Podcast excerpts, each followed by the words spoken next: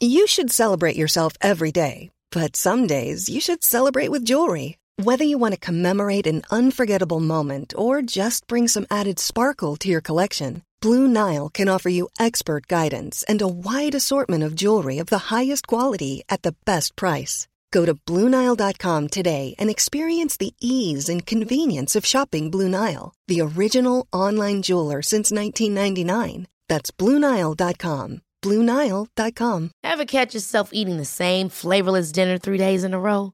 Dreaming of something better? Well, HelloFresh is your guilt free dream come true, baby. It's me, Kiki Palmer. Let's wake up those taste buds with hot, juicy pecan crusted chicken or garlic butter shrimp scampi. Mm. Hello Fresh. Stop dreaming of all the delicious possibilities and dig in at HelloFresh.com. Let's get this dinner party started. Hey, it's Ryan Reynolds, and I'm here with Keith, co star of my upcoming film, If, only in theaters, May 17th. Do you want to tell people the big news? All right, I'll do it. Sign up now and you'll get unlimited for $15 a month in six months of Paramount Plus Essential Plan on us. Mintmobile.com slash switch. Upfront payment of $45 equivalent to $15 per month. Unlimited over 40 gigabytes per month. Face lower speeds. Videos at 480p. Active Mint customers by 531.24 get six months of Paramount Plus Essential Plan. Auto renews after six months. Offer ends May 31st, 2024. Separate Paramount Plus registration required. Terms and conditions apply if rated PG. I can discuss some of the psychological aspects of the case. You've got to get a hold of yourself. Now look here, Johnson, I'm going to get to the bottom of this. I can discuss some of the psychological aspects of the case. And you're really crazy, you know that? Oh, yes, I remember that. Is this any concern of yours? Stop, stop, stop it now. I mean it. Ja, hei, det er psykolog Sondre Livre her. Diagnosen er dessverre svært alvorlig. Det viser seg at alt du tenker og føler er feil.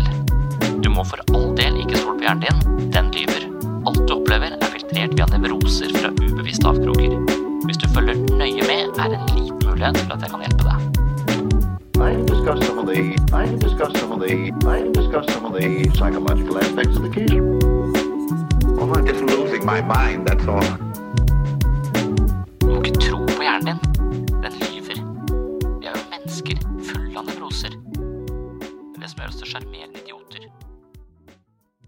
Fattigdom betyr at man mangler ressursene som trengs for å kunne leve et fullverdig liv. Det handler om mer enn å ha nok penger til grunnleggende ernæring. Når man sliter med å få endene til å møtes, leder det ofte til utenforskap og begrensede muligheter til å delta i samfunnet på lik linje med andre. FN anslår at rundt 10% av befolkningen i Norge lever under den relative fattigdomsgrensen, som er definert etter om du tjener mindre enn 60% av medianinntekten. Samtidig som forskjellene i samfunnet vårt øker, har vi et voksende utenforskap. Fattigdommen i Norge er ikke livstruende, men man står i risiko for å få både feilernæring og det er også forbundet med psykiske plager. Fattigdom er ikke nødvendigvis noe som vises på utsida. De som lider vil ofte forsøke å skjule det, men mangler sentrale levekårsgoder som er nødvendige for å ha en akseptabel levestandard. For eksempel å eie en vaskemaskin, ha råd til å reise på ferie, delta i fritidsaktiviteter eller bursdager med gaveplikt. Hvem som helst kan jo bli uføretrygda, gjeldsslave, minstepensjonist, enslig forsørger, konkursramma, offer for familievold eller havne i rehabilitering etter ulykker eller andre uheldige livsvalg. De synlige fattige er ofte rusavhengige, hjemløse eller sitter på gata og tigger, men de usynlige kan være naboen din, klassekameraten din, en venn eller en kollega. I dagens episode skal jeg snakke om forholdet mellom dårlig økonomi og psykisk helse. Jeg vil innlede med en artikkel fra Tidsskrift fra Norsk psykologforening, hvor Arnulf Kolstad har skrevet et ganske bra bokessay med bakgrunn i en bok som heter Fattigdommens psykologi av Kjell Underli. Deretter skal du få være med på en samtale jeg hadde med journalist Maja Hagen Torjussen fra gatemagasinet Rop. Hun lurer på hvordan det er mulig å få en bedre psykisk helse når man har store økonomiske problemer, og jeg er faktisk litt usikker på om det faktisk er mulig i det hele tatt, men det skal vi komme tilbake til. Nå til denne artikkelen fra Norsk psykologforening, som altså er dette bokessayet om boka Fattigdommens psykologi. Enkelte begivenheter etser seg fast i hukommelsen. Da jeg leste den siste boka til Kjell Underli om fattigdom, dukket et utsagn jeg hørte i USA i 1970-åra stadig opp. Jeg tror det var president Ronald Reagan som sa If you're poor, you're poor by choice. Jeg var i New York på den tida og besøkte blant annet Harlem og Bronx. Større elendighet omgitt av usmakelig rikdom hadde jeg aldri sett. Det som slo meg aller mest, var forfallet og oppløsningen av store bydeler midt i verdens rikeste land, og jeg tenkte at de som vokser opp under slike betingelser, har ikke store sjanser. Tanken på at de skulle ha valgt en slik start på livet, var absurd. Videre skriver eh, Arnulf eh, Kolstad at han har sett fattigdommen på nært hold både i Afrika, i townshipene i Cape Town og i Asia på den kinesiske landsbygda. Men aldri har det vært så nedslående som i USA, antagelig fordi den eh, urettferdige ulikheten kom så veldig tydelig fram der, og fordi USAs politiske ledere mente folk hadde valgt fattigdommen, nøden og fornedrelsen. De så ingen samfunnsmessige årsaker til verken rikdom eller fattigdom, bare individuelle valg og konkurranse. Denne utgaven av økonomisk nyliberalisme og klokketro på individuell frihet dukket opp i USA og England på 1970-tallet.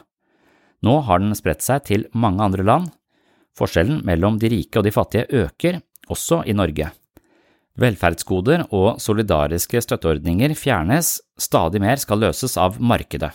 Stat og offentlig er blitt skjellsord, uttrykk for noe baktungt og gammeldags, mens konkurranse og privatisering er de nye slagordene i samfunnet, og de er da mer preget av dyrerikets alle kamp mot alle enn av solidarisk ivaretagelse basert på kunnskap om fattigdommens årsaker.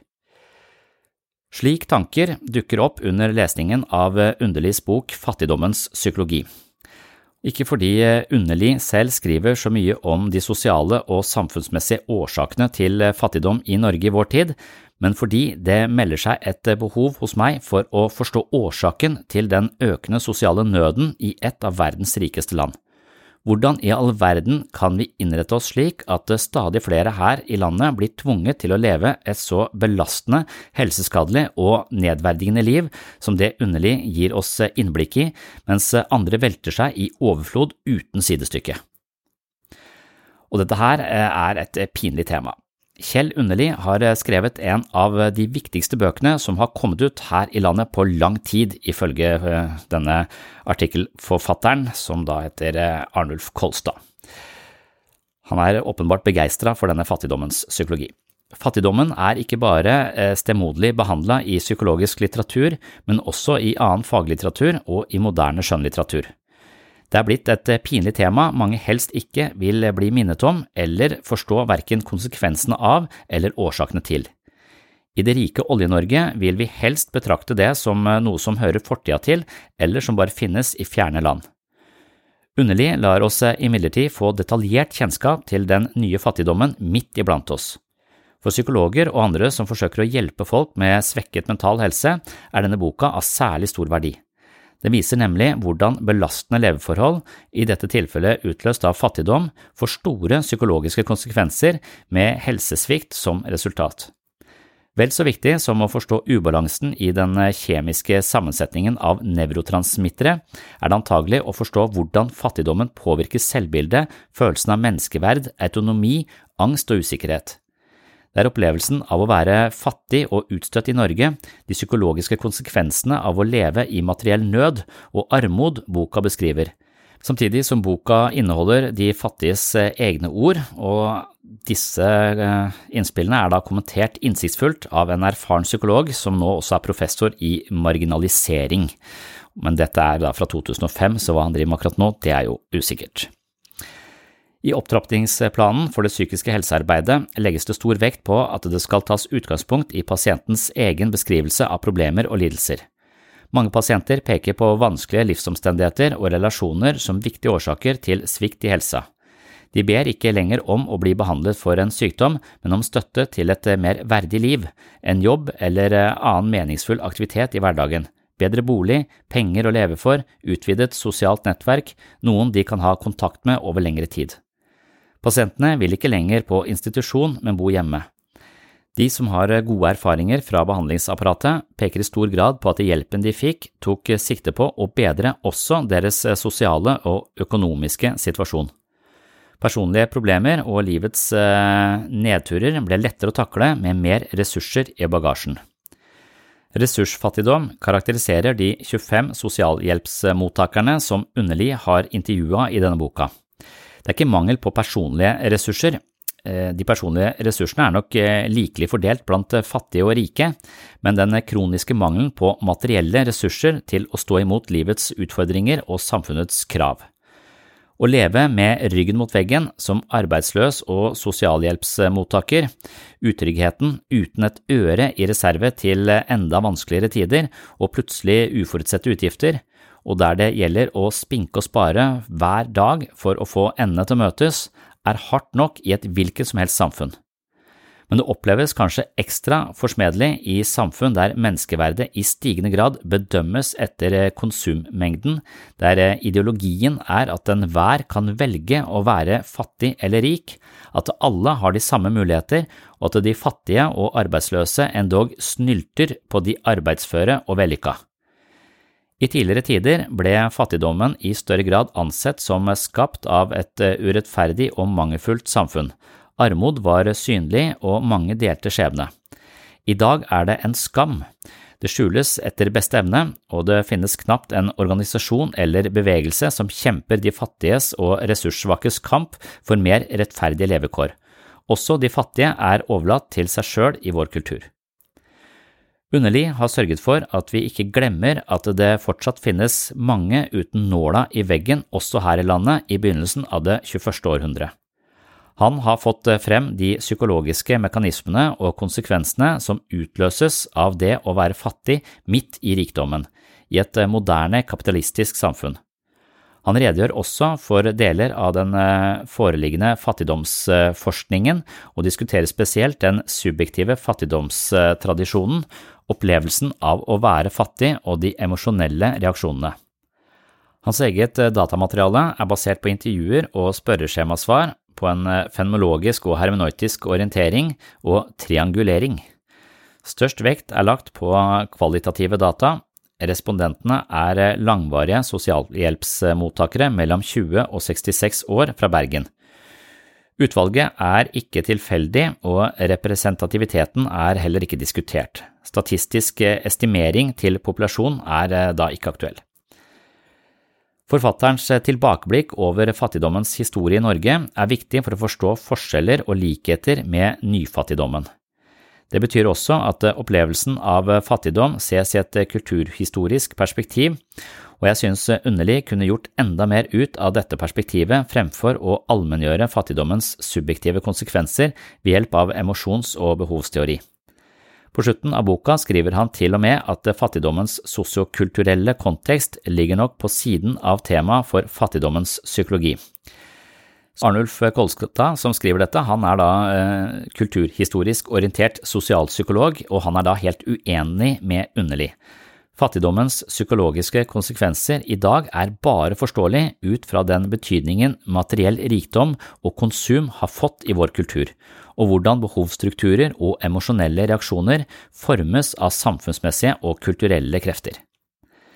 Den faghistoriske og sosialhistoriske fremstillingen av fattigdommen gir lite informasjon om hvordan de fattige selv opplever situasjonen, hvordan de tenker, føler og handler i sitt individuelle liv. For å bøte på denne mangelen har Underli tatt med utdrag fra norsk skjønnlitteratur der fattige og fattigdom er beskrevet. Dette er en original vri i en fagbok om fattigdommens psykologi. Som kjent er skjønnlitterære forfattere ofte i besittelse av dypere kunnskap om menneskets psykologi, følelser og væremåte enn mange psykologer som kan gjengi pensumslitteraturen i faget. Gjennom utdrag fra bøkene til Johan Falkberget, Olav Duun, Christian Krogh, Amalie Skram, Knut Hamsun og mange andre forfattere får vi en tilgang til opplevelsen av fattigdom som gjør forståelsen eh, rikere og sammenhengen mellom livssituasjon og opplevelsen blir klarere. Det er imidlertid påfallende at bare én av bøkene Underlig refererer til ble utgitt for eh, mindre enn 50 år siden. Heller ikke i moderne norsk skjønnlitteratur er den moderne fattigdommen tema. Det er middelklassens eksistensielle, seksuelle og mer metafysiske problemer som er det sentrale i denne litteraturen. Moderne forfattere har verken erfaring med eller interesse for fattigfolks liv. Underlig viser at det er ulike veier inn i fattigdommen, og at personlige forhold og sosiale, samfunnsmessige omstendigheter virker sammen. Fattigdommen har ikke bare mange ansikter, den har også mange årsaker.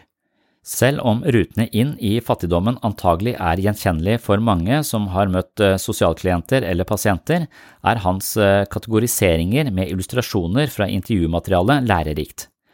De eh, rutene han beskriver er nummer én utstøtt og utestengt fra arbeidslivet. Punkt to deklassert borger. Punkt tre husmor. Punkt fire livsovergang. Punkt fem traumatisering. Punkt seks multiple og diffuse helseplager. Punkt sju tilpasningsvanskeligheter. Og punkt åtte opprør og antimaterialisme. De forskjellige rutene viser temaets kompleksitet, og Underlig forsøker ikke å forenkle. Hans analyse av intervjumaterialet setter ham i stand til å strukturere og finne sammenhenger og mønstre i detaljrikdommen, slik at vi andre kan lære noe med utgangspunkt i aktuelle empiriske data. Underlig får tak i de fattiges livsverden, deres egen opplevelse av fattigdommen.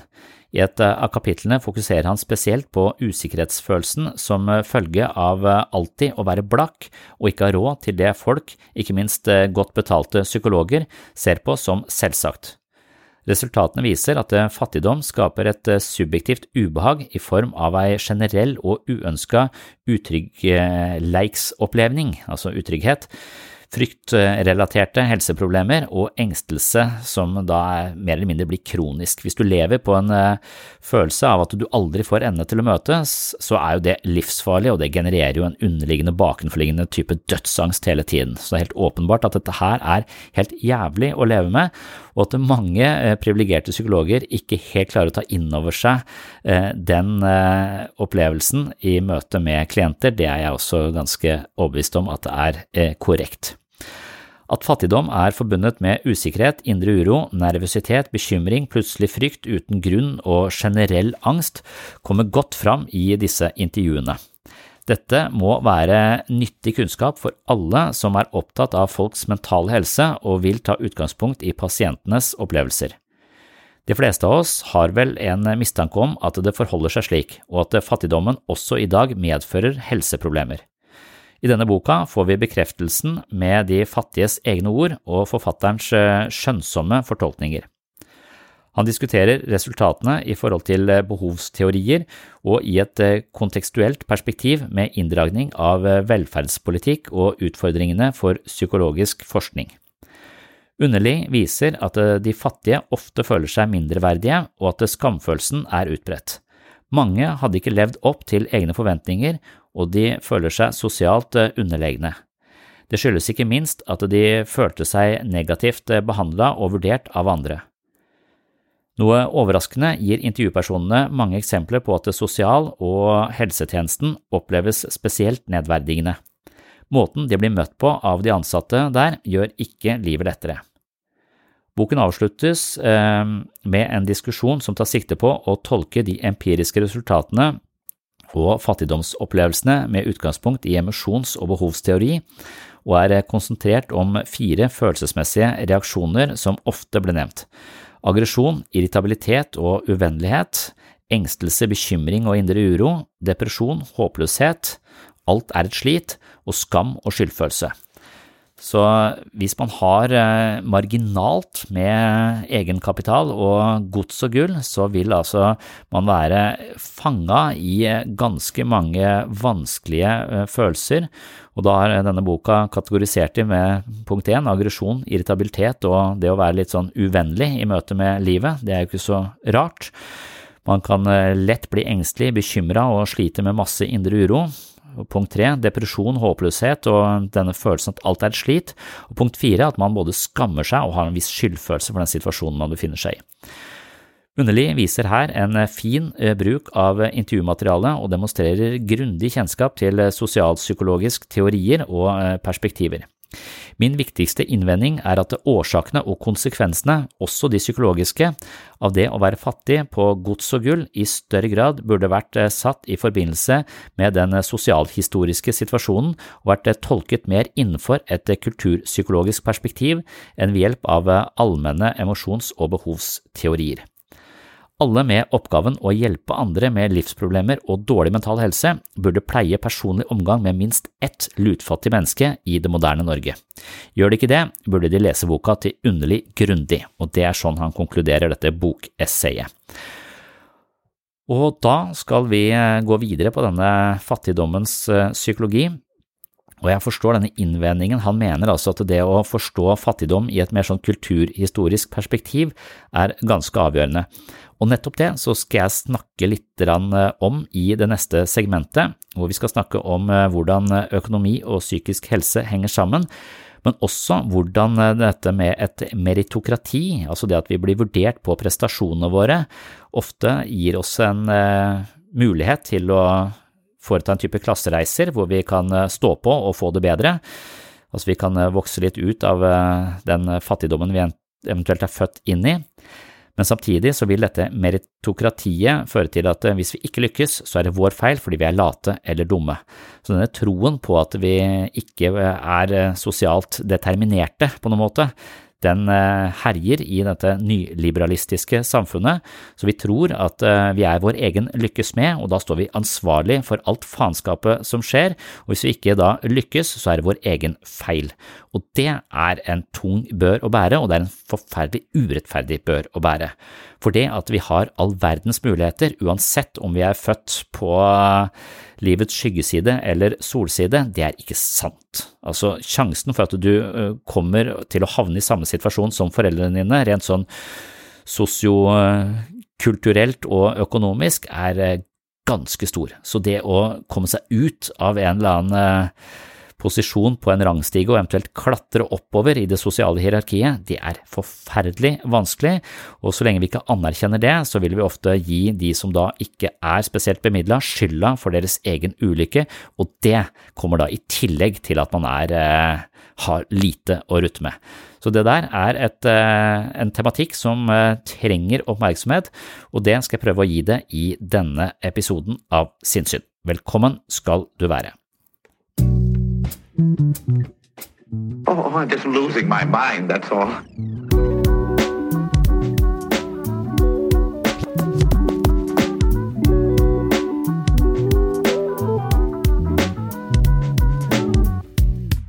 Hallo der. Hei, du. Hei. Beklager, det var, tok litt lengre tid her enn uh, enn planlagt. Nei da, det går fint. Det var meg som skjøv først uh, tidligere i dag, så nå Ja. er vi på en måte even steven. Ja. Ja, skal vi bare begynne fra toppen? holdt jeg på å? Jeg kan jo spørre deg um, ditt, eh, hva, Hvilken hatt har du på deg her? Er du, på er du psykolog? Er du terapeut? Hva er den formelle betegnelsen? Vil du være, liksom, vil du være webpsykologen? Vil du være um, Ja, det er litt opp til deg, egentlig, hva som er relevant. Eh, ja. Eh, Ja. Jeg, jeg pleier ikke å få lov til å uttale meg på vegne av Sørlandet sykehus, eh, hvert fall. Så, så, men egentlig bare på vegne av, av meg selv. Jeg vet ikke om jeg føler jeg har så mange hatter. Altså at jeg Men du er jo psykolog, eller på en måte den formelle, formelle tittelen din. eh, Ja. eh, hvis jeg kan kalle deg psykolog og um, sinnssyn ehm, Ja, sinnssyn er jeg mer opptatt av eh, enn en webpsykolog, nesten. Eller jeg er opptatt av å spre Jeg er opptatt av å snakke om uh, ulike aspekter ved det å være menneske, og gjøre det en sånn vi, Prøve å gi det et språk også i som når litt lenger enn bare utenfor de kontorveggene hvor jeg sitter til daglig, da. Jeg skjønner. Ja. Hvis jeg kaller deg psykolog og hva er det man sier? Podkastvert? Ja, det tror jeg Det, det, det går det an å si. Ja. Så fint. Skal vi se. Mm. Ja. Ok, vi prata jo litt, eh, litt kort, så du, du vet jo litt hva, hva saken dreier seg om. Mm. Um, og jeg synes Det var veldig interessant det du eh, egentlig bare sa overordna, men som du også ville tenke litt på. Men egentlig dette med at det var veldig utfordrende å drive terapeutisk behandling dersom man hadde gjeld på sida. da. så jeg lurer litt på om jeg kan spørre deg om hvilke utfordringer man møter på som terapeut dersom man har en, en pasient til behandling, og denne personen har voksende gjeld, eh, samtidig som denne terapien da pågår. Hvis du tenker det er noe å si om det, så er det det spennende å høre litt om. Ja. Ja, for, for gjeld har jo de, de, fleste nesten sagt, men du tenker på da gjeld som liksom ikke, hvor man ikke sitter igjen med noe ja, Hvor man har dårlig, dårlig råd og ikke har eh, de, de, fleste har lån i banken, men da rett og slett altså at de, de, de, ikke har et hus og de betaler ned på, men, men at de, sliter eh, økonomisk på de fleste fronter, og det gjør jo veldig mange som jeg møter. Mm. Og det eh, mener jo jeg at eh, nesten sagt Altså Jeg har jo liksom vært en sånn Jeg er veldig opptatt av at ethvert problem har eh, tusen årsaker. Og så er det noen årsaker som veier tyngre enn andre årsaker, da. Så hvorvidt du da skal ha psykoterapi, eller om du trenger å begynne å trene, eller om du må ha noen bedre sosiale relasjoner, eller om du får, får en annen type støtte fra velferdsstaten. Altså alle disse tingene vil jo påvirke deg som menneske. Så det er så utrolig mange ting som påvirker oss eh, som menneske. Derfor så har jeg hele tiden vært en slags motstander av det kliniske språket som skal definere det psykiske som, eh, som en sykdom. Jeg mener ikke det er en sykdom, det er en slags bivirkning av livet, som regel. Så jeg ser ikke på Det kliniske språket som skal definere en problemstilling som en sykdom, var det det du sa? Ja, jeg liker ikke at, eh, at, eh, at det kliniske språket som blir brukt, eh, hører til somatikken, assosieres til naturvitenskapen og betraktes sånn i kompaniskap med somatisk sykdom da, som, som, noe vi må ha vekk, eller noe som er sykt. Jeg ser ikke på, på mentale utfordringer som sykdommer. Jeg ser på det som eh, signaler vi må lytte til. Og, og dermed så, så, vil jeg også være en forkjemper for mye breiere forståelse av eh, menneskers utfordringer og der eh, vil denne økonomiske faktoren ofte veie tungt. For jeg tror at hvis du, hvis du har skikkelig dårlig råd, så tror jeg du kan gå 100 000 timer i psykoterapi, men du vil fortsatt ha problemer med økonomien. Eh, og, og det er såpass truende, for det er ikke en Og hvis du fjerner angsten for økonomien, så fjerner du nærmest eh, Det er liksom å lære deg å ikke være redd for bjørner. Da blir du jo spist. Så det er jo ikke, er ikke en feilslått uro å være bekymra for sin egen økonomi, for det handler jo om din væren eller ikke-væren i verden.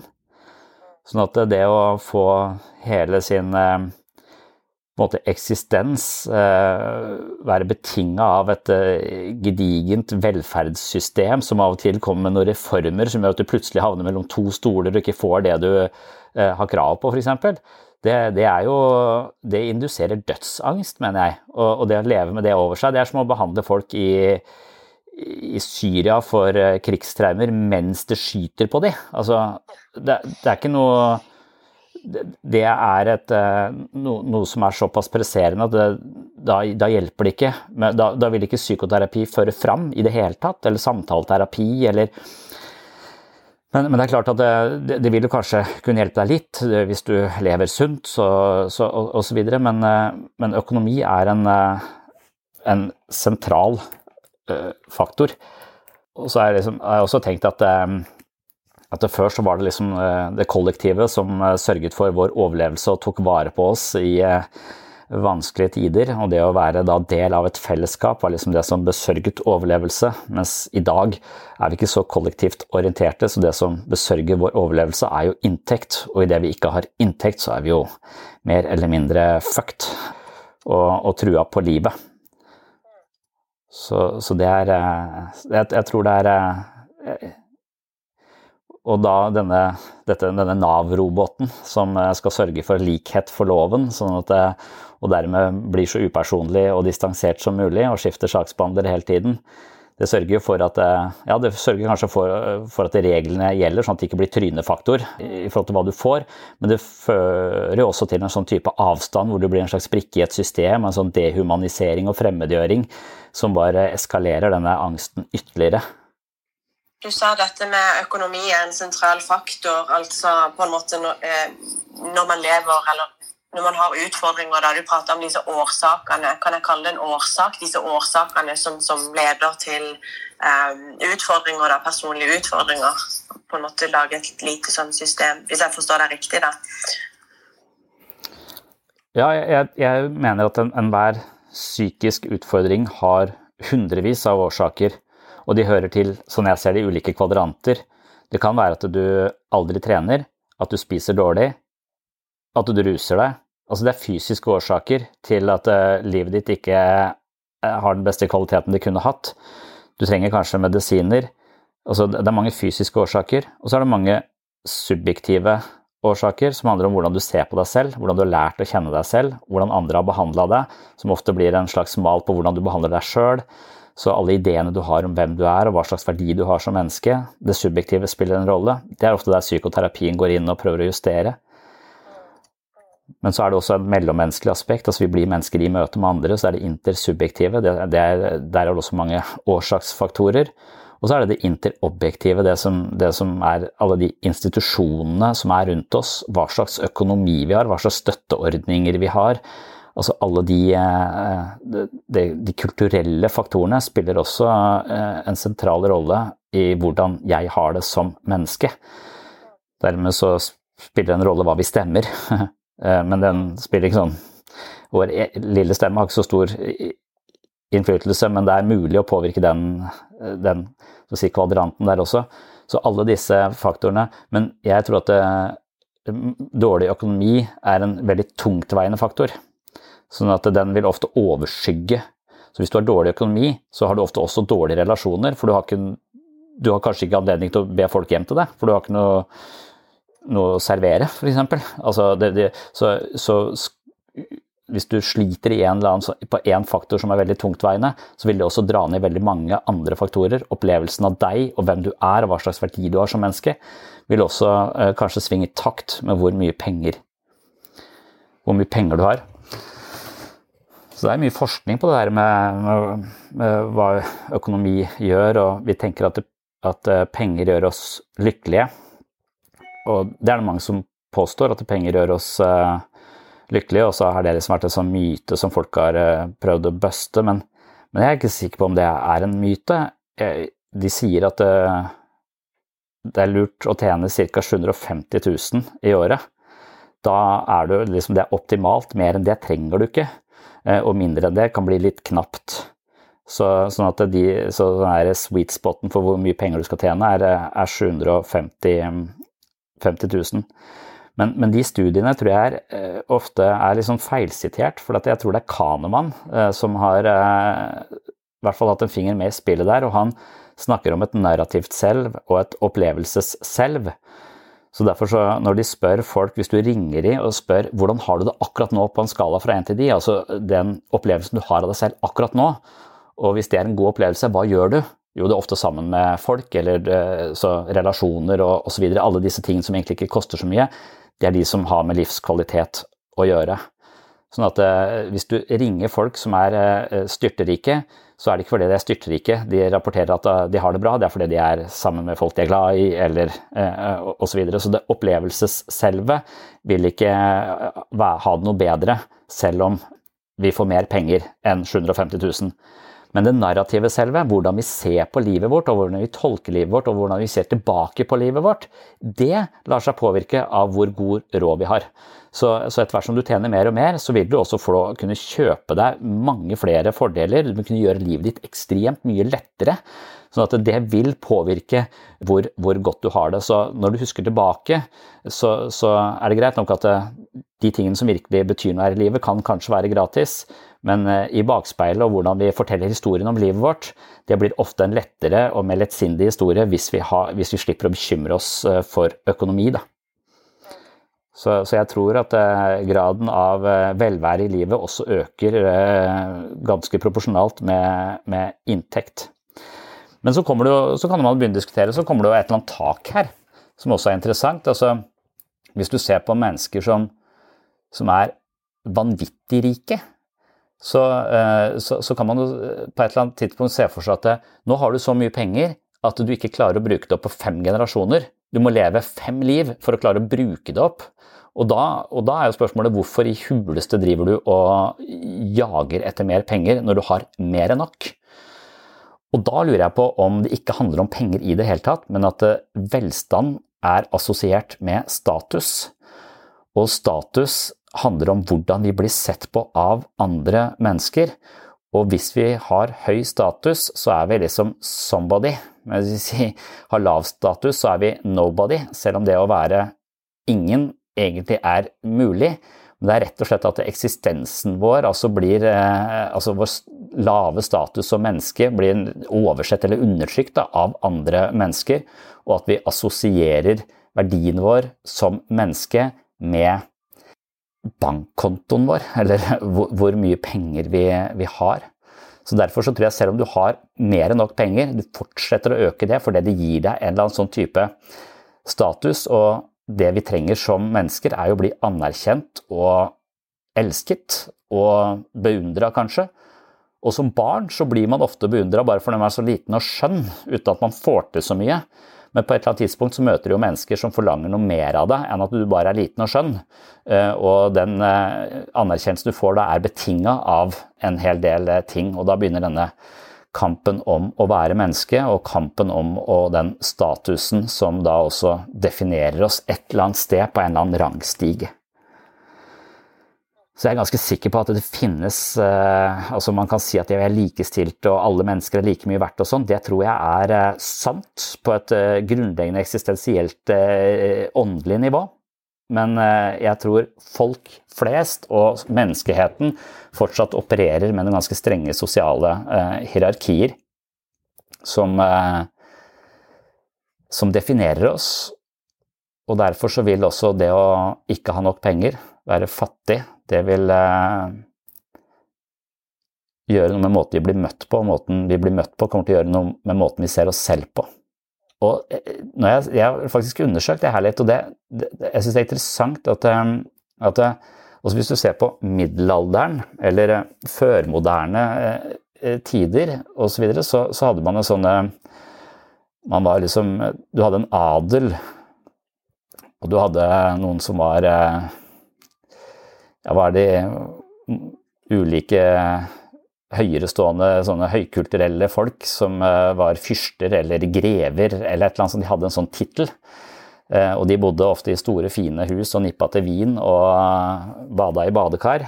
Mens eh, litt lenger ute så bodde bøndene, som bodde i små, trange hytter med gjennomtrekk, eh, mye sykdom, lite penger og dårlig kår. Og, og sånn var det, liksom. Og denne forskjellen på folk, den var liksom Den var medfødt. Du var liksom født inn i en eller annen rang. Og det var ganske sånne var lite eh, sosial mobilitet da, tidligere. Og det, det høres jo litt, eh, litt, kjipt ut, men jeg tror at de på den tiden, i middelalderen f.eks. i Europa, så, så, hadde de de hadde noe som hjalp dem å håndtere dette, og det tror jeg kanskje var kristendom. Også, og I tillegg så var jo liksom Jesus han var jo eh, fattig. Han var i hvert fall ikke spesielt bemidla, og så var han snekker. Så han var liksom en fattig håndverker, så jeg føler at Jesus var på de fattiges lag. Så det å gjøre det argumentet med at eh, du, eh, du er din egen lykkes smed, eller hvis du er fattig, så er det din, eh, så er det din skyld fordi du er lat eller dum eller et eller annet sånt noe. Sånn at fattigdommen hvilte ikke på den enkelte på samme måten som den gjør i dag. Fattigdom var noe som ofte var Guds vilje eller prøvelser fra Gud. Og, og, hvis du var fattig, så ga det deg ikke noe mindre verdi som menneske, fordi Jesus var fattig, og han var det mest verdifulle mennesket som, som noensinne hadde levd i den, i den idétradisjonen. Så de rike kunne ikke gjøre dette argumentet med at, at de hadde større verdi som menneske fordi de hadde rikdom, fordi Jesus fungerte som en buffer mot akkurat det argumentet der sånn. Mens på midten av 1800-tallet så kom jo dette som heter eh, meritokrati stadig mer på, på, banen. Og det betyr vel at det meritter gjelder. Hva kalte du det for noe? Det er nytt for meg. Ja, det heter meritokrati. Meritokrati, ja. ja. Og ifølge en som heter Alain Diboutat, eh, så, så og meritokrati har jeg tenkt på flere ganger, fordi det, det, handler rett og slett om at du, du blir vurdert på prestasjonene dine og hva du kan levere. Jeg har, tenkt på det i forhold til hjemmekontor, at, eh, at, man sitter på møte hvor man ikke ser hverandre. Sånn at, eh, sånn at ofte så vil da ideene dine få mer plass, istedenfor at vi ofte nå rundt et bord se på folk som er pent kledd. De tror vi mer på enn de som ikke er så pent kledd. De som er høye, tror vi mer på enn de som er lave. Eh, ofte så sier menn mer enn kvinner. ikke sant? Sånn at, sånn at der er det så mange sånne sosiale faktorer som spiller inn. Mens hvis vi sitter ikke ser hverandre, så vil det vi leverer, ha mye større betydning. Og det, gi, det sørger jo for altså når, når, På midten av 1800-tallet så kunne man gjøre ganske sånne eh, store klassereiser. Fordi at, man, eh, fordi at nettopp eh, prestasjonene dine kunne bety veldig, veldig mye, og du kunne på en måte jobbe deg opp. Det å komme fra Det, det å være adel på, i middelalderen så det var nesten umulig å, å, å falle i, i, i, rang. Du kunne prøve å ikke ville være adelig mer, du, hadde, du, slapp ikke ut av det. Samme som bonde, du kunne ikke bli plutselig en sånn aristokrat og, og, og styrtrik. Det, det, var nesten umulig å gjøre disse eh, klassereisene. Mens i et meritokrati så kan man eh, i mye større grad det, fordi at vi blir vurdert ut ifra prestasjonene våre. Da. Og det, det, det, skaper en helt annen sosial mobilitet, eh, og det utvisker en del av alle de ulikhetene og mangel på likestilling som har vært mellom kjønn, som har vært mellom hudfarge, som har vært eh, alder. Altså alle disse faktorene der sånn får mindre tyngde, fordi nå er det hva du kan levere som, som spiller, en, spiller, en, rolle. Men ulempen da, med akkurat det er jo at eh, hva skal man si, ulempen er at, eh, at, eh, det å være fattig da blir skamfullt.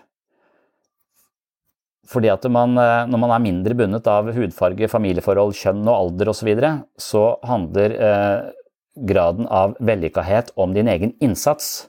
Så hvis du da er fattig, så er det bare fordi du ikke har stått på nok, fordi du er lat, eller fordi du eh, ja, ikke har karakterstyrke. Så mens fattigdom før var noe som du var født inn i og ikke kunne så mye for, og du hadde støtte i religion på at det var, det var lettere å komme inn i himmelriket hvis man var eh, fattig, det er vanskeligere for en kamel å komme gjennom et nøkkelhull eller noe øye eller hva det, hva det, heter. Sånn at, eh, sånn at i, i, dag så, så, hviler liksom fattigdommen også den er, den er forbundet med skam, for det er noe galt med deg. Og det eh, er kanskje denne hva skal man si, en litt sånn lei bivirkning av meritokrati, som egentlig er en viktig og ønska samfunnsutvikling. Da, hvor vi ikke skal eh, basere oss på fordommer og medfødt status, men rett og slett skal kunne få lov til å, å, å vise oss fram. Men ulempen er da at, eh, at den enkelte blir liksom eier av Hvis du ikke da har gjort det bra, så er din feil. Og du kan bare ha det så godt og dermed så blir fattigdom skamfullt. Og da tror jeg vi er over i en sånn forståelse av fattigdom som også er ganske snever. For det at eh, altså Hvor mye foreldrene dine tjener, og hva slags sosial kapital og hva slags rent sånn fysisk kapital foreldrene dine har, det er ganske bestemmende med hensyn til hvor mye du selv kommer til å tjene osv. Så, videre, og så, videre. så dette er fortsatt ikke helt Altså, du, er, du kan få til hva du vil, du kan ikke det. Du er ganske bundet av eh, en eller annen form for eh, fysisk og sosial arv likevel. Selv om vi liker å tro at, eh, at alle kan gjøre, få til akkurat hva de vil, så er ikke det sant. Og hvis vi tror på den fortellingen, så vil det å ikke da lykkes, det vil hvile på den enkelte skuldre på en sånn ganske tung og jævlig måte, egentlig.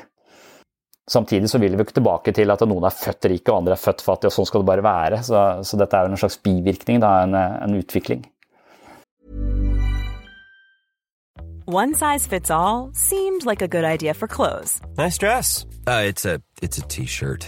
Until you tried it on. Same goes for your healthcare. That's why United Healthcare offers a variety of flexible, budget friendly coverage for medical, vision, dental, and more. So, whether you're between jobs, coming off a parent's plan, or even missed open enrollment, you can find the plan that fits you best. Find out more about United Healthcare coverage at uh1.com. That's uh1.com. Many of us have those stubborn pounds that seem impossible to lose, no matter how good we eat or how hard we work out. My solution is PlushCare. PlushCare is a leading telehealth provider with doctors who are there for you day and night to partner with you in your weight loss journey. They can prescribe FDA-approved weight loss medications like Wagovi and Zepbound for those who qualify. Plus, they accept most insurance plans. To get started, visit plushcare.com slash weight loss. That's plushcare.com slash weight loss. Quality sleep is essential. That's why the Sleep Number Smart Bed is designed for your ever-evolving sleep needs. Need a bed that's firmer or softer on either side? Helps you sleep at a comfortable temperature? Sleep Number Smart Beds let you individualize your comfort so you sleep better together. JD Power ranks Sleep Number number 1 in customer satisfaction with mattresses purchased in-store. And now, save 50% on the Sleep Number limited edition Smart Bed for a limited time. For JD Power 2023 award information, visit jdpower.com/awards. Only at a Sleep Number store or sleepnumber.com.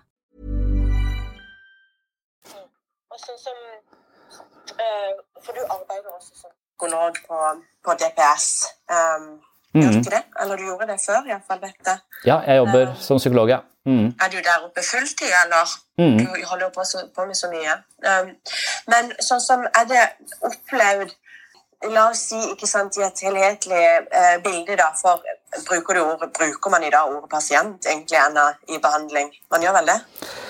Ja, jeg gjør det i hvert fall for at jeg har tenkt at en pasient betyr i utgangspunktet en som lider, og det syns jeg stemmer med de menneskene jeg møter, så jeg tenker ikke så mye på, på det, om det skal være galt eller ikke galt. Det, Ja, ja, nei, jeg skjønner. Jeg Mm. visste ikke om det hadde kommet. Det kommer av og til noen sånn eh, moderne betegnelser, Ja, ja. som f.eks. renovasjonsarbeider istedenfor liksom Mm. søppel, eh, søppeltømmer og sånne type ting. ja, ja. Men eh, ja, eh, for det jeg lurer på, hvis en kan gå litt tilbake til det på en måte det, eh, det på en måte litt sammensatte mentale helsebildet, da, selv om du liker ikke å prate helt om det, men, men hvis, en, sant, hvis, en har, hvis en har både traumer, en har angst og en har en stigende gjeld, da, og en er pasient hos deg, eh, hvor komplekst er det å behandle? Ja, det er der jeg er litt usikker på om det i det hele tatt er mulig å behandle noe som helst hvis, du, eh, hvis økonomien er en trussel. En stor trussel i, i bakspeilet. Det, eller som hele tiden jager deg på en eller annen måte. Da. Så, eh, så for meg, altså sånn rent politisk, så kan ikke jeg skjønne at eh, ikke borgerlønn er en god idé. Altså det for, uh, Istedenfor å hele tiden drive og kjempe en kamp for, mot et system for sin egen overlevelse. At alle bare fikk baseline så alle hadde det helt greit. Og så kunne man senke skuldrene, og hvis du senker skuldrene og ikke er så jævla redd for å uh, bli totalt fortapt på en måte i et eller annet system, så tror jeg kanskje at kreativiteten og muligheten for å finne sin egen vei og sin egen måte å bidra på, vil blomstre. Mens nå bruker vi ekstremt mye energi på å krangle med systemer som uh, ja, krever diagnoser og krever uttalelser og ja, så, så, så det er mye, mye byråkrati. Ja, ekstremt mye byråkratisk energi som brukes som jeg tror er bortkasta. Så Når du sier det, er det en, er det en eh, tydelig sammenheng for deg for, altså mellom diagnostikk og, og byråkratiet? da, At, liksom, at diagnosene trengs for å ha en plass eller passe inn i en bås i byråkratiet? Forstår jeg det riktig da? ja, jeg tror Kom først, liksom. Eller sånn, jeg forstår, eller bruken av liksom, disse diagnosene også som på måte blir kasta rundt. Det er mer sånn, nesten trivielt språk, men samtidig veldig sånn stigmatiserende og sykeliggjørende. eller sånn Språket er veldig sånn hardt, selv om, den, selv om det er så aktuelt i dag. Så er det sånn syk, liksom. Men syk, men er vi ikke foranderlige? Har vi ikke liksom nedturer og oppturer? liksom At en kan tenke litt sånn disse Nødvendigheten for disse diagnosene kan Ja. Mm. Ja, Diagnosene i psykisk helse er liksom så lite treffsikre, syns jeg. Jeg har aldri vært uh, sikker på noen sånne diagnoser, så, så som regel så er jo det fellesmenneskelige tendenser som de fleste vil oppleve i ulike situasjoner. Sånn som det av angst vil en av seks ha i minst et helt år i strekk i løpet av livet sitt, liksom. Så, så, denne uroen er, kan jo ha tusenvis av, av årsaker, mens idet vi ser den som en sykdom, så ser vi snevrer inn perspektivet vårt og muligheten for å forstå dybden i, i problemene våre. Så, så, det er litt sånn Jeg er litt redd for sånn så å si Legger veldig mye ansvar på, på enkeltindividet på, på, mange måter, å, men, men, samtidig så er det en slags ansvarsfraskrivelse i det kliniske språket ofte. At man ikke ja, man har en diagnose man, og tenker da man må få en medisin, at, at hjelpen skal komme utenfra. At man ikke Den logikken henger sammen. Det er jo det som er veldig forvirrende, eller utrolig merkelig, egentlig. At det praktiseres i såpass stor grad. Da. Men jeg skjønner at det er nødvendighet for mm. uh, I behandling, da, så, så gjør jo det helt mening. Men jeg tror nok at det kan være vanvittig sykeliggjørende for mennesker som egentlig bare går gjennom en krise. Da, ikke sant? At det mm. blir en sånn stempling, ikke sant. Mm. mm. Men jeg tror det krever så mye mer av oss å, å, å se dybden og bredden når vi er, allerede er pressa. Så, er, så, så, det er forskjell på en livskrise og en psykisk lidelse. Da. Eh, nødvendigvis, det, det, bør det være, men akkurat hva som er cutoffen der, det, det, vet jeg ikke. Og jeg syns eh, altså, akkurat snakket en del om her eh, hvordan Kirkegård snakker om det å våkne på natta med hjertebank og kaldsvette og en vanvittig indre uro. og Hvordan han kaller det en tjenende ånd som hjemsøker deg på natta for å, å tvinge deg til å ransake sjelen din. Altså det, er et, eh, det, er noe med verdiene dine, det er noe med et stort valg som du snart skal ta. Det er, altså det er, det er noe du har forsømt, du har ikke mm, prioritert relasjonene dine. Det er et eller annet som eh, du har eh, gjort over lang tid.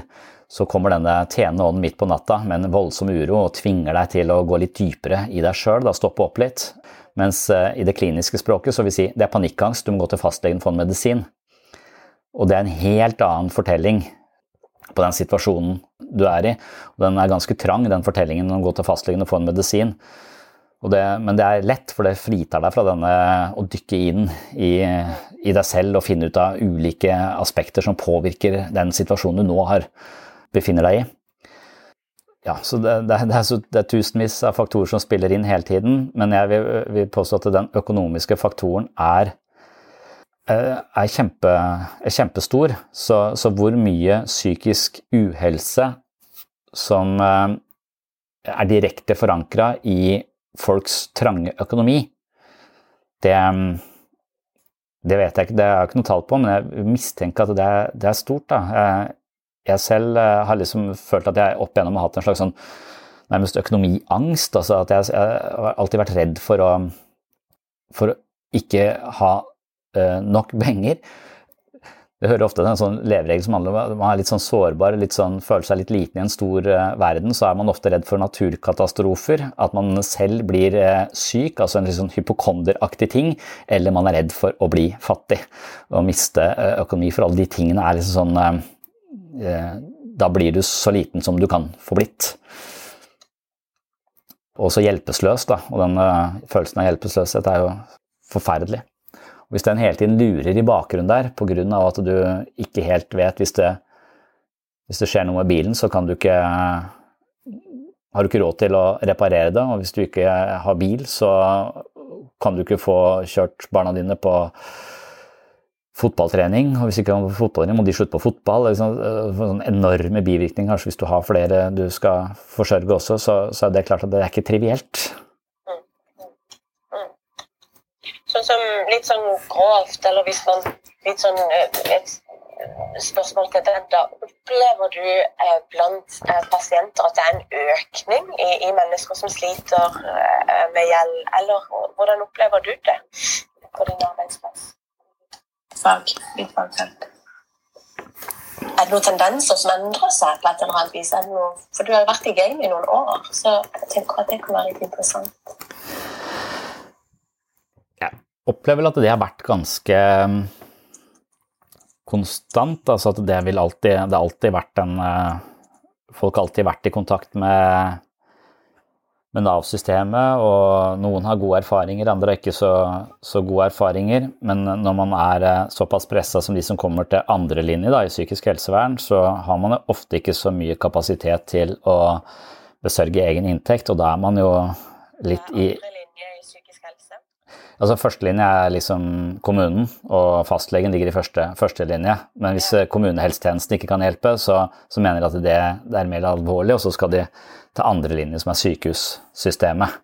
DPS, liksom? DPS, ja. Det hører til sykehussystemet. Og så kan du gå helt opp i tredje linje, som er sånn type Modum Bad for sånne helt spesielle ting, eller spesiell eksponering for eh, type tvangslidelser eller noe. Så det er sånn eh, graderinger. Men eh, hvis du hører på han Steven Pinker, så mener jo han at eh, antall mennesker under fattigdomsgrensa er avtagende. Så sånn, i et veldig sånn fugleperspektiv så er det færre folk som lever i krig, det er færre folk som er eh, fattige, og så, så, på sett og vis og på sånn verdensbasis så går det sånn sakte oppover, da.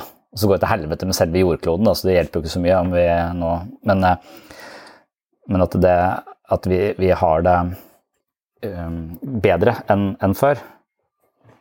Og det kan nok uh, hende, så, så spør, spørsmålet er jo også hvor, uh, hvor store ambisjoner du på sett og vis har. Jeg tror at noe av problemet med dette meritokratiet også, som vi snakket om, er at jeg tror ikke bøndene i middelalderen hadde noen ambisjoner om å bli adelige eller at de adelige var redd for å havne eh, i låven hos bonden og miste sin, fordi det var så fastlåst, liksom. Mens eh, når dette med at vi, vi, på en måte har større fleksibilitet og kan i mye større grad velge vår egen vei, og vi ikke er like bundet av eh, sosiale sosial arv og, og, og, status, sånn at vi kan gjøre disse klassereisene, så begynner vi også å sammenligne oss mye breiere. Og hva vi da ser på som nok, det er ikke, det er ikke noe som vi avgjør eh, som enkeltmenneske. Det er noe vi avgjør i relasjon til flokken, og hva flokken ser på som, eh, som nok. Så jeg tror nok at eh, mange også har eh, altså adopterer noen målsetninger og noen ambisjoner som er veldig, veldig høye, og, og, som dermed lurer oss inn i et livsprosjekt hvor vi aldri føler at vi har nok. Noe som også er en del av dette økonomiske systemet vårt. Selve eh, kapitalismen trenger jo at vi føler at vi mangler noe hele tiden. Og når vi mangler noe, så må vi streve etter å få noe mer, og når vi hele tiden skal streve etter å få noe mer, så går vi glipp av det vi faktisk har i øyeblikket også. Så det er en sånn livsfelle som hører med til at vi, at vi begynner å sammenligne oss med alle som er eh, rundt oss, og den sammenligningsgrunnlaget vårt har blitt så mye, mye større eh, enn eh, en før. Sånn at vi ja, sånn, Tenker du på, på, internett og globalisering og den typen ting?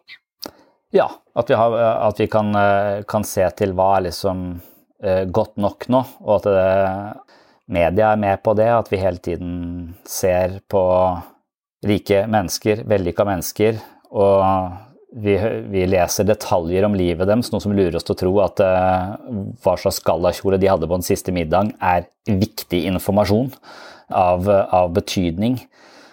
Det, det, er gjort noe sånn, Jeg husker ikke akkurat hvordan det studiet er gjort, men det er noe sånn at uh, hvis du Altså, hvor, hvor, fornøyd du er med det du har, det spiller jo en uh, Det er helt avgjørende hvordan naboene dine har det. Så hvis du har et uh, hus med en familie på fem og du har 100 kvadratmeter, så kan det kanskje bli litt uh, trangt. Eller si du har 50 kvadratmeter, da. det kan bli veldig trangt hvis du er uh, fem personer i, i husstanden. Også, men hvis du da flytter disse, denne familien til et hus som er 200 kvadrat, så vil det være mye bedre. Men når det huset på 50 kvadrat, eller si det huset på 100 kvadrat, da, det lå i et nabolag hvor alle andre hadde 75, så vil 100 føles veldig bra. Men hvis du da får dobbelt så stor plass, noe som egentlig er bedre, så vil det føles verre hvis da naboen din har 300-400 kvadratmeter. Så, så, det er hele tiden i forhold til andre man, man driver og, og, veier seg selv. Og når man da i tillegg eh, vil, eh, vil, ta skylda selv for at man ikke har like mye som, som de andre, så, så, får du en eh, ganske utholdelig krevende situasjon hvor eh, du har ansvar for at du ikke har det største huset selv fordi du ikke har eh, jobba hardt nok. Ja, så, så er eh, Samtidig som at vi lever i en, en tid hvor, hvor, ambisjonene er så høye og, og standardene er så høye for, for alt mulig.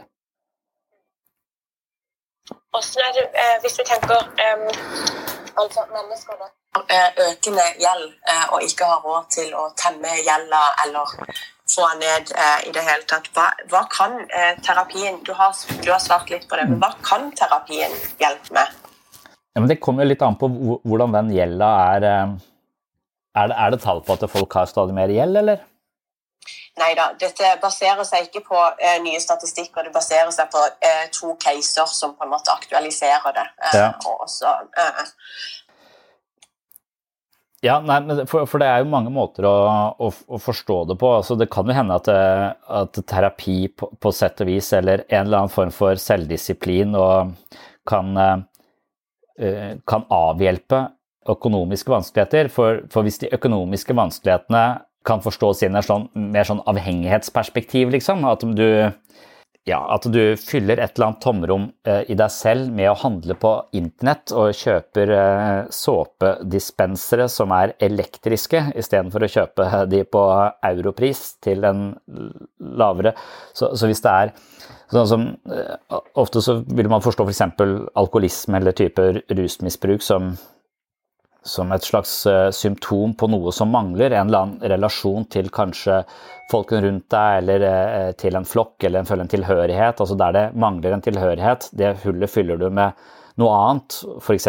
rusmidler. Du kan også fylle det med, med såpedispensere du ikke trenger, eller alt mulig annet. Uh, så, så, hvis det handler om en slags sånn impulsivitet, sånn type ja, en slags eh, økonomisk bulimi, da, hvor du bare bruker masse for å, for å, fylle dette hullet i deg selv, og så etterpå sitter igjen med masse drit du, du ikke trenger. Hvis det er liksom årsaken til, til gjelda, så kan det hende at det å jobbe med relasjonene sine, eh, jobbe med rutiner, jobbe med å høre til i et fellesskap, altså mange sånne intervensjoner som du kan gjøre for at livet ditt blir mer meningsfullt, kan jo da sørge for at du kanskje håndtere økonomien din på en litt bedre måte.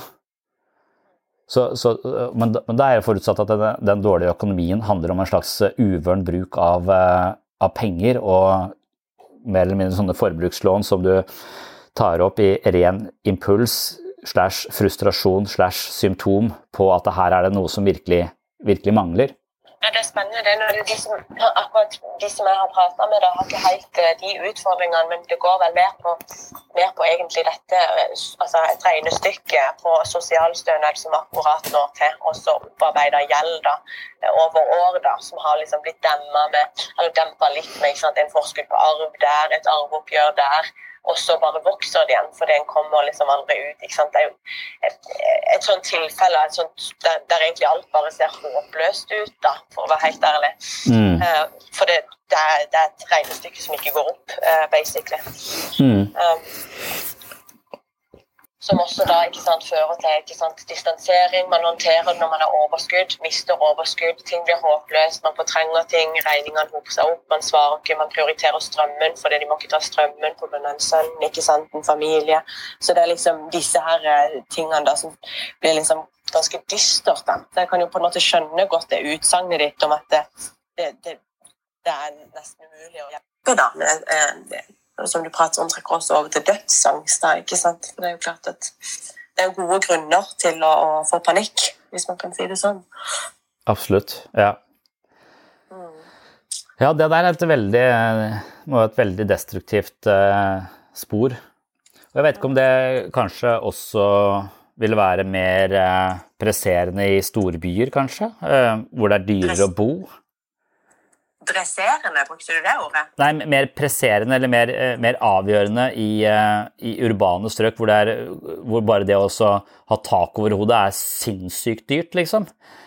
Sånn at, eh, sånn at, hvis man får en eller annen form for sosialstønad som ikke strekker til, og, man hele tiden kommer i bakleksa og kompenserer med dyre lån, og så, så vil man jo hele tiden grave det hølet bare dypere og dypere og dypere. Så det, det, er jo ja, det, det, skjønner jeg er en helt forferdelig eh, situasjon å, å, å, være i. Og, da vet ikke jeg om eh, Det er kanskje Da, da, da tenker jeg at sosionomen må, må på bane, eller gjeldsrådgiveren Jeg tenker den, den, personen ville kunne bidra mye mer enn det jeg kan eh, bidra. For jeg, jeg er selv ganske økonomisk tilbakestående. Jeg er bare redd for økonomi. Du, tenker du du som terapeut, da, eller terapeutiske jeg tenker meg som menneske. Altså, jeg jeg syns det er stress å gå inn i nettbanken. Jeg gjør det ikke. Derfor så har jeg gifta meg med en som gjør det. Altså, jeg, det hender at jeg eh, Her i januar, februar og mars fikk jeg ikke lønn fra sykehuset fordi jeg på det der jeg gjør privat, ikke har betalt skatt. Altså, øh, øh, det, er ikke, det er ikke fordi at jeg ikke vil betale skatt, jeg har ikke brukt pengene heller, de bare står der. Men, øh, men, jeg, har, men jeg, klarer ikke å gå inn, jeg orker ikke å gå inn i Altinn. Det er så jævlig eh, angstproduserende, slitsomt og frustrerende. For det er alltid et eller annet jeg ikke forstår der, for den er alltid dum i Altinn. så hvis jeg hadde hatt en vanskelig økonomi, så hadde jeg også hatt en vanskelig psykologi for å håndtere den vanskelige økonomien min, for å si det sånn. Så, så, jeg kan godt forstå at jeg, jeg, kunne fort havna der hvis ikke jeg hadde hatt en jobb å gå til som jeg trives i, og som sørger for at jeg ikke kommer i det derre At jeg lett kunne klare tre måneder uten lønn fordi at jeg ikke hadde brukt så mye penger. Sånn at, eh, så, så, jeg mener jeg selv er økonomisk eh, tilbakestående. og Derfor syns jeg det er fryktelig vanskelig når folk kjemper disse kampene med systemet, og hvorvidt de kampene altså, og, og, og, hvorvidt de skulle hatt noe mer enn de har, og, og hvordan de da forvalter de pengene. Altså, det er her jeg føler at sosionomen i systemet er litt sånn Altså jeg vet ikke, Sosionomer burde jobbe også i Det er et veldig viktig perspektiv i psykisk helse, men som regel så er du psykolog, lege. Altså, og hvis du er sosionom, så har du hatt etterutdanning i kognitiv terapi og skal også drive med terapi. Sånn at istedenfor at du får noe hjelp til å orientere den derre jungelen av eh, støtteordninger og systemer og uh, ulike sånne skjemaer som skal fylles ut. Altså, så, så, så, det, er et, det, er jo nesten et eget felt, tenker jeg, og det er et uh, felt som påvirker psyken din i veldig høy grad. Men sånn bare sånn, sånn rent intuitivt så vil jeg tenke at de som virkelig ikke har økonomi som strekker til på månedlig basis altså Noen av de havner jo på luksusfella. Da får du ganske god hjelp av han der strenge fyren hår. Da tenker jeg, da, da skjerper du deg. Eh, men eh, mens, eh, mens, andre så er det er jo spørsmålet om ja, må, må, du flytte? Finnes det andre steder å bo som er, som er som du kan håndtere på annen måte. Jeg, vet ikke, sånn gjeldsrådgivning eh, og alle, alle, de tingene der, sånn, men jeg, tenker det er utrolig viktige intervensjoner å gjøre. For idet du hele tiden kjemper den kampen der, sånn, så tror jeg det er utrolig vanskelig å finne en eller annen form for mental balanse. Uansett hvor god den terapeuten du har, er. Med mindre det er sånn luksusfelleproblematikk, da. Så, som selvfølgelig er noe, noe, mer et slags symptom på, på, et eller annet underliggende som man da kanskje kan prøve å ta tak i, og som indirekte vil ha en innvirkning på økonomien din. Jeg tror det, dette er Ja, at det er viktige Økonomi er en viktig perspektiv. Og så tror jeg også at det er veldig viktig for oss å ha en jobb å gå til, men jeg tror også at den jobben ofte er såpass fremmedgjørende, og at firmaer har blitt så store at man ofte føler man bare er en brikke og ikke egentlig forstår hele produksjonen, men bare gjør sin del av det. Så det også kan være ganske sånn dehumaniserende og, og kjipt for mange folk. da, Sånn at de blir utbrente fordi de ikke har noen sånn slags eierskap til den jobben de gjør. Og jo større og jo mer sånn jo mer opptatt man er av at man skal eh, effektivisere og tjene penger osv., jo mindre opptatt man er av arbeidsfellesskapet og, og være en del av et, ja, et, et fellesskap, en gruppe, en, et kollegafellesskap osv. Altså det at en del jobber blir man bare en sånn arbeidstaker, og uten en sånn følelse for at man er med på, en, på noe viktig, at man langsomt opplever det som litt sånn meningsløst, og at man da blir utbrent. Og at man da faller utenfor. Så alle vil, liksom alle disse støtteordningene fra Nav og sånn, de prøver å få deg tilbake i arbeidslivet, som om det skal være liksom redningen. Men hvis arbeidslivet i seg selv er fremmedgjørende og depresjonsfremkallende, så er det i hvert fall en eller annen negativ spiral, da. Det er litt uh, interessant, uh, eller interessant refleksjon fra din side. Derfor du jobber jo i et ganske stort uh, system, og samtidig så driver du for deg selv. er, det en, er det en strek å, å, trekke mellom de tingene du nettopp sa, og din egen? Er det sånn du løser det for din del, eller er det noe du ikke kjenner deg igjen i?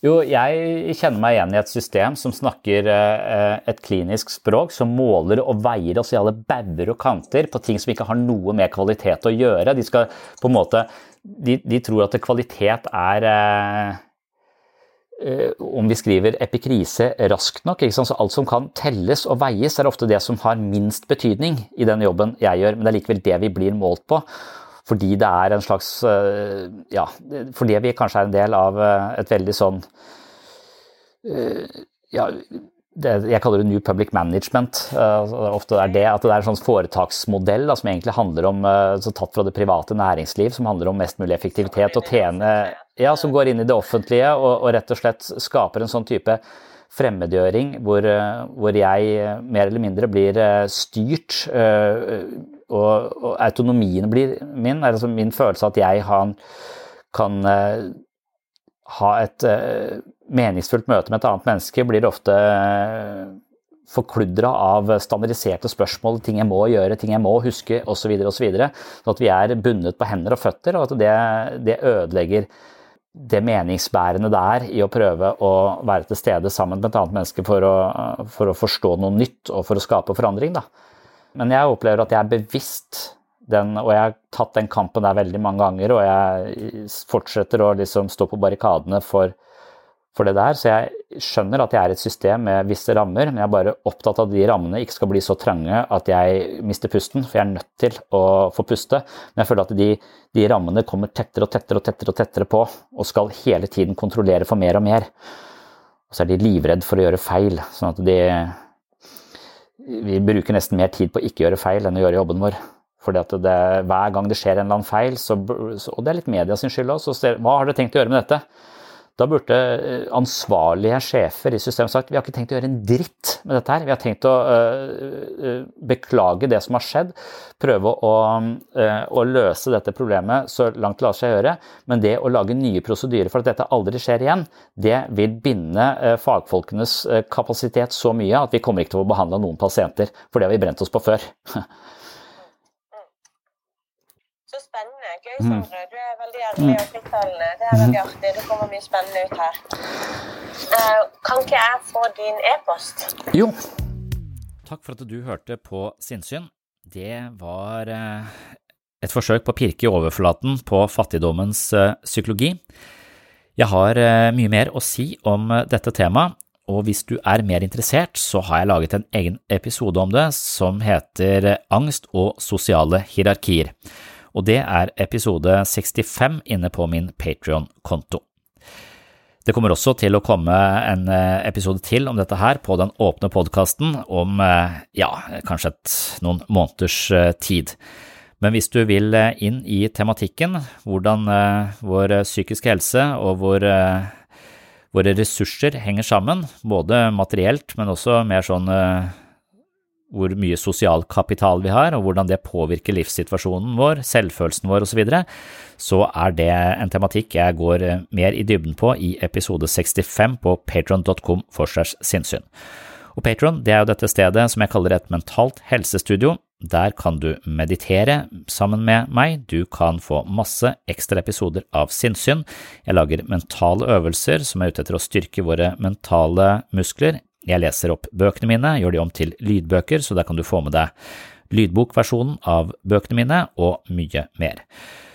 Og hvis du er blant de som finner verdi her på sinnssyn og har lyst til å støtte prosjektet, så er altså patron.com stedet å gå. Men som jeg pleier å si, det er ikke nødvendig å betale for å få tilgang til denne podkasten.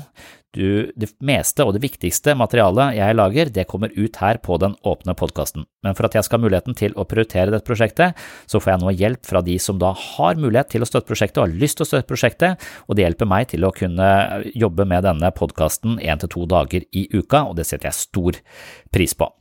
Så tusen takk til dere som er Patron-supportere. Hvis du er blant de som har eh, overskudd og muligheten til å støtte prosjektet og har lyst, så kan du også gå til patron.com for seg sinnssyn. Hvis du er blant de som denne podkasten kanskje handler om, som ikke har eh, de samme ressursene, så kan du få eh, sinnssyn hver eneste uke her på den åpne plattformen. Det var det jeg hadde for denne gang. På gjenhør i neste episode. Tjallabais! Oh, I'm just losing my mind, that's all.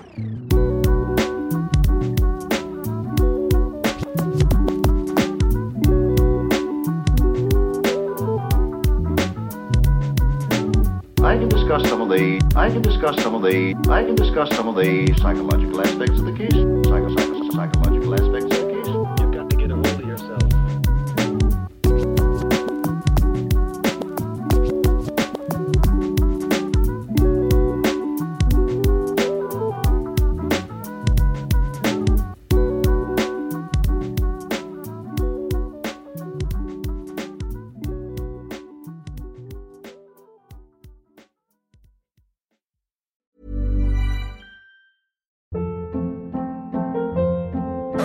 Hold up. What was that? Boring. No flavor. That was as bad as those leftovers you ate all week. Kiki Palmer here, and it's time to say hello to something fresh and guilt-free. Hello Fresh. Jazz up dinner with pecan-crusted chicken or garlic butter shrimp scampi. Now that's music to my mouth. Hello Fresh. Let's get this dinner party started. Discover all the delicious possibilities at hellofresh.com.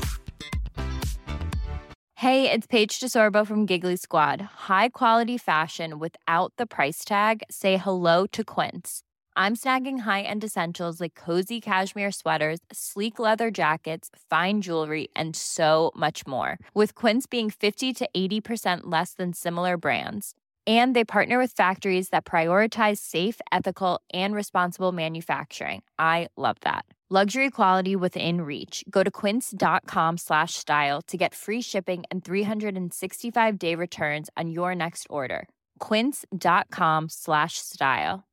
Imagine the softest sheets you've ever felt. Now imagine them getting even softer over time. That's what you'll feel with Bowl and Branch's organic cotton sheets. In a recent customer survey, 96% replied that Bowl and Branch sheets get softer with every wash. Start getting your best night's sleep in these sheets that get softer and softer for years to come. Try their sheets with a 30-night guarantee. Plus, get 15% off your first order at bowlandbranch.com. Code BUTTERY. Exclusions apply. See site for details.